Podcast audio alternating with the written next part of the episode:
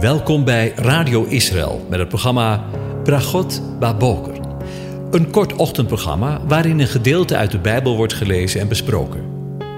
Met Bragot Baboker wensen onze luisteraars zegeningen in de ochtend. Presentator is Kees van de Vlist.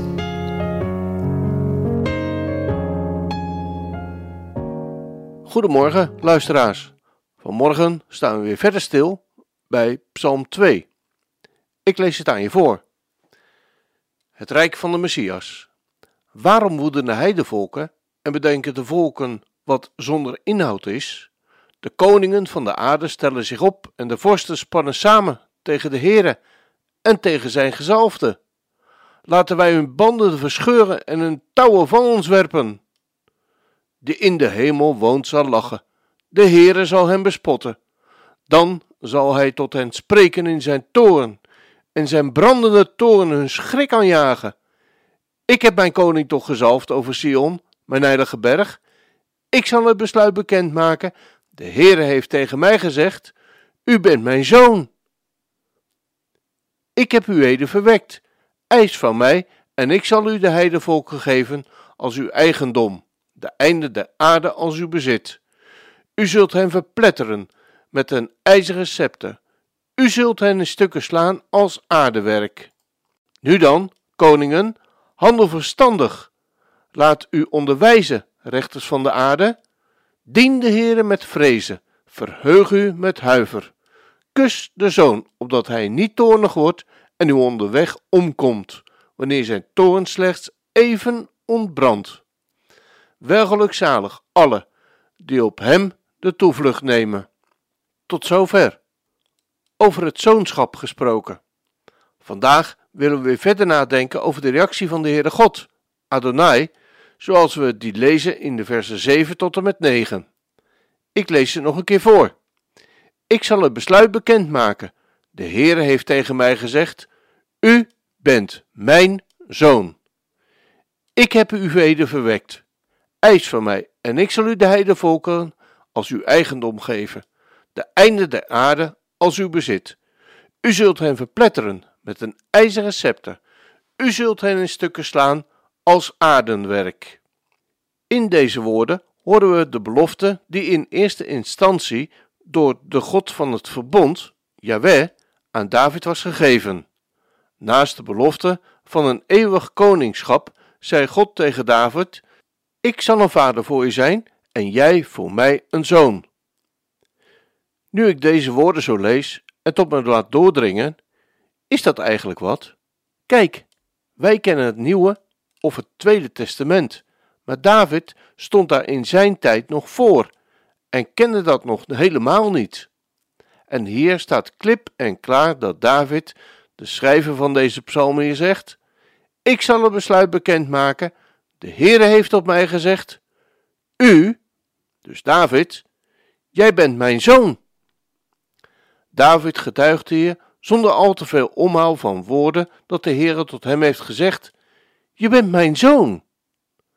David was de zoon van God. Weet je, misschien is dat wel heel dom van mij, maar ik heb mij dat op deze manier nog nooit zo gerealiseerd. In deze woorden las ik altijd de vervulling van deze woorden. Maar David, die jongen, die herdersjongen van vlees en bloed, werd door God, door de God van de hemel en aarde, zijn zoon genoemd. En natuurlijk, wij staan erachter en weten dat met de zoon vooral op Jezus, Jeshua, gedoeld wordt. De meerdere David. De meerdere geliefde, zoals de naam David betekent. Ik weet niet hoe jij erin staat, maar Jezus was en is de zoon van God. Want de Vader getuigt zelf daarvan vanuit de hemel. Tot driemaal toe klinkt het tijdens zijn omwandeling klip en klaar uit de hemel dat hij de zoon van de Vader is. We lezen in Matthäus 2 wanneer Jezus naar de Egypte moest vluchten voor Herodes. Ik lees het aan je voor. En hij bleef daar tot de dood van Herodes, opdat vervuld werd wat door de Heer gesproken is door de profeet, dat is Hosea, en we lezen daarvan in hoofdstuk 11, vers 1: Uit Egypte heb ik mijn zoon geroepen. En in Matthäus 3 zijn wij aanwezig bij zijn doop, wanneer we een machtige stem uit de hemel horen getuigen over Jezus. En zie, een stem uit de hemel zei: Dit is mijn geliefde zoon, in wie ik al mijn welbehagen heb. En de derde keer zijn we aanwezig vlak voor zijn dood, bij de berg, die ook wel de berg van de verheerlijking genoemd wordt, en waar we lezen: En na zes dagen nam Jezus Petrus, Jacobus en Johannes zijn broer met zich mee en bracht hen op de hoge berg, alleen hen. En hij werd voor hun ogen van gedaante veranderd. Zijn gezicht straalde als de zon en zijn kleren werden wit als het licht. En zie, aan hen verschenen Mozes en Elia, die met hem spraken. Petrus antwoordde en zei tegen Jezus: Heere, het is goed dat we hier zijn. Laten wij, als u wilt, hier drie tenten maken. Voor u een, voor Mozes een en een voor Elia. En toen hij nog sprak, zie, een lichtende wolk overschaduwde hen. En zie, een stem uit de wolk zei: Dit is mijn geliefde zoon, in wie ik mijn welbehagen heb. Luister naar hem. Tot zover. Driemaal lezen we in het woord dat Vader Jezus zijn zoon noemt. En nu is het zo dat een Bijbels principe is dat in de mond van twee of drie getuigen alle woord zal bestaan. Jezus is de zoon van de Vader. Geen twijfel over mogelijk dus. Zo zien we dus dat zowel David als Jezus, de Messias, door Vader zoon wordt genoemd. Maar dat ook echt zijn. Maar wat te denken van de woorden die we in Exodus 4 lezen? Ik lees ze aan je voor. Toen ging Mozes weg en keerde terug naar zijn schoonvader Jeter. En hij zei tegen hem: Laat mij toch gaan om terug te keren naar mijn broeders, die in Egypte zijn, om te zien of zij nog leven. En Jeter zei tegen Mozes: Ga in vrede. Ook zei de Heere tegen Mozes in Midian: Ga, keer terug naar Egypte, want al de mannen die naar u naar het leven stonden, die zijn gestorven. Toen nam Mozes zijn vrouw en zijn zonen, liet hen op een ezel rijden en keerde terug naar het land Egypte. En Mozes nam de staf van God in zijn hand. De Heere zei tegen Mozes: Nu u naar Egypte gaat terugkeren, zie erop toe dat u al de wonderen waartoe ik u in staat gesteld heb, ikzelf zal echter zal zijn hart verharden, zodat hij het volk niet zal laten gaan. Dan moet u tegen de farao zeggen: Let op, zo zegt de Heere: Mijn zoon, mijn eerstgeborene, is Israël.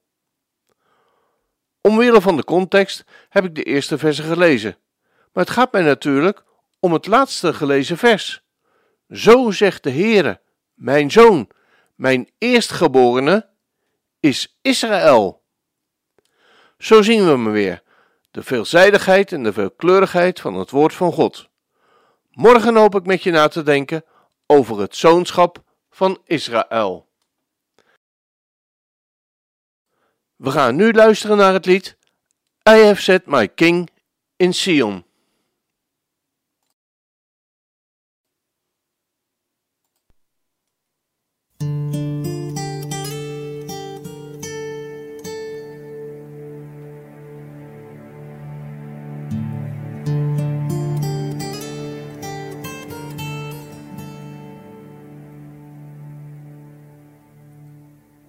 I've set my king in Zion upon my holy hill.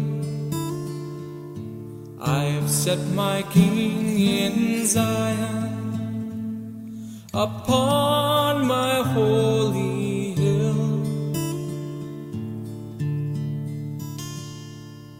Why do the nations conspire? The people plot in vain. Kings and rulers take counsel against the Lord and his Christ. Let us break their bonds asunder and cast their cords away.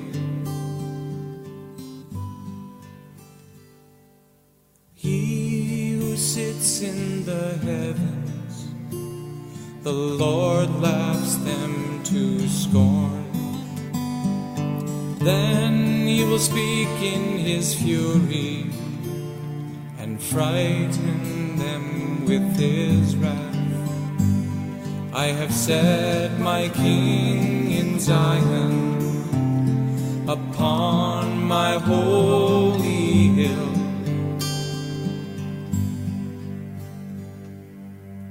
I have set my king in Zion upon my holy hill. I have set my king in Zion upon my holy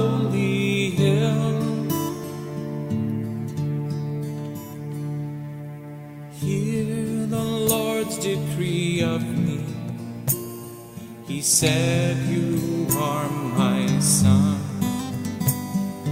You this day I begotten.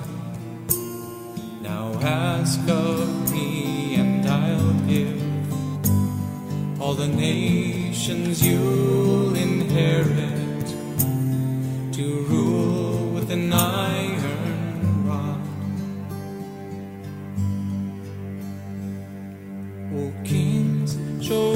wisdom and listen. You rulers, all be warned. Serve the Lord now with trembling with reverence honor the Son, for his wrath may soon be kindled. The blessed take refuge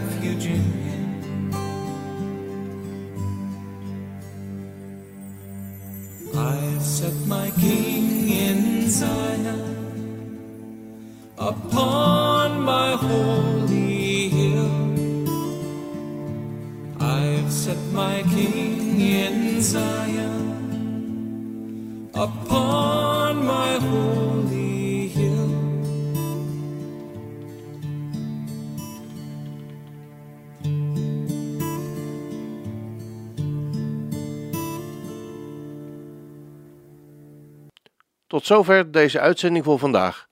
Ik wens je een van God gezegende dag toe.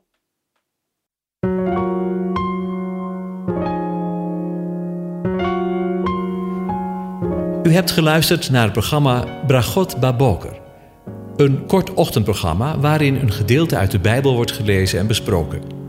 Wilt u het programma nog eens naluisteren, dan kan dat. Ga naar radioisrael.nl en klik onder het kopje radio op Uitzending gemist.